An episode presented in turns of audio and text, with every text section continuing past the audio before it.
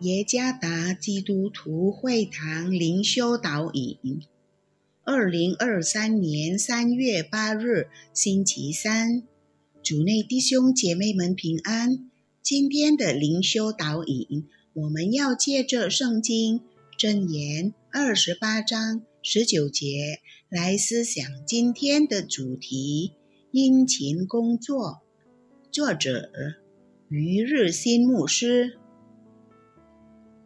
箴言二十八章十九节：耕种自己田地的必得饱食，追随虚浮的足受穷乏。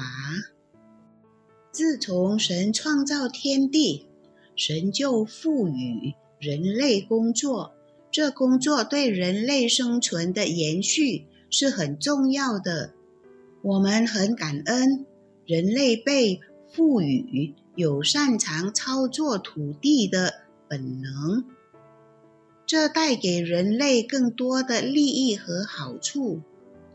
土壤需要经过处理，植物才能生长和长出花卉、种子和水果或蔬菜。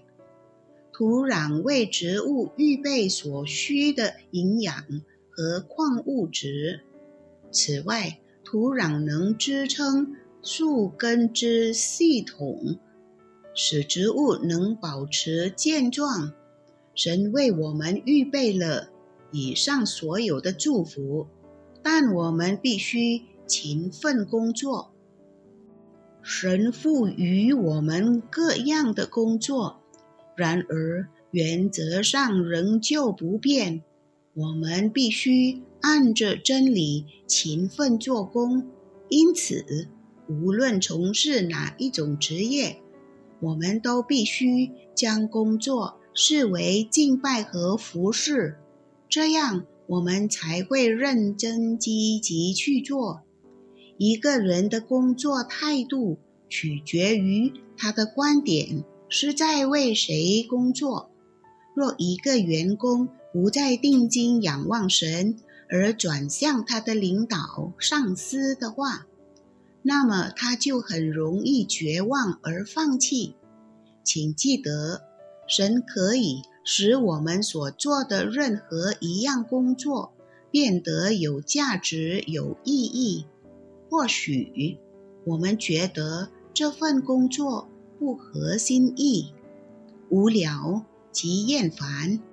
但在神却并不如此认为。神了解我们的心态。倘若我们能在小事上忠心，神必会把大事信托我们去做。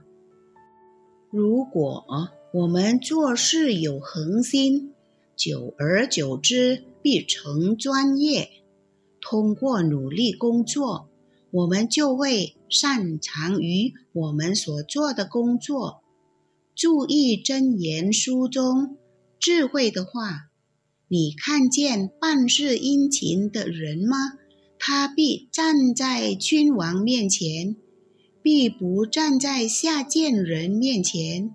真言二十二章二十九节，享有地位和荣誉，是因为他。勤恳的工作，没有走捷径。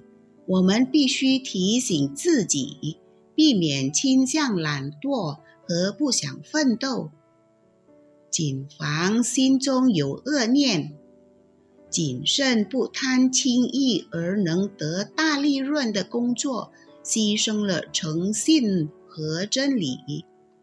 这一切都是不认识神的人所寻求的。神的儿女不做这样的恶事，所以要勤恳工作，否则贫穷会追随着我们。智慧的提示，懒惰人的心愿，将他杀害，因为他手不肯做工。箴言二十一章。二十五节，我们若在小事上忠心，大事必会信托我们。主耶稣赐福。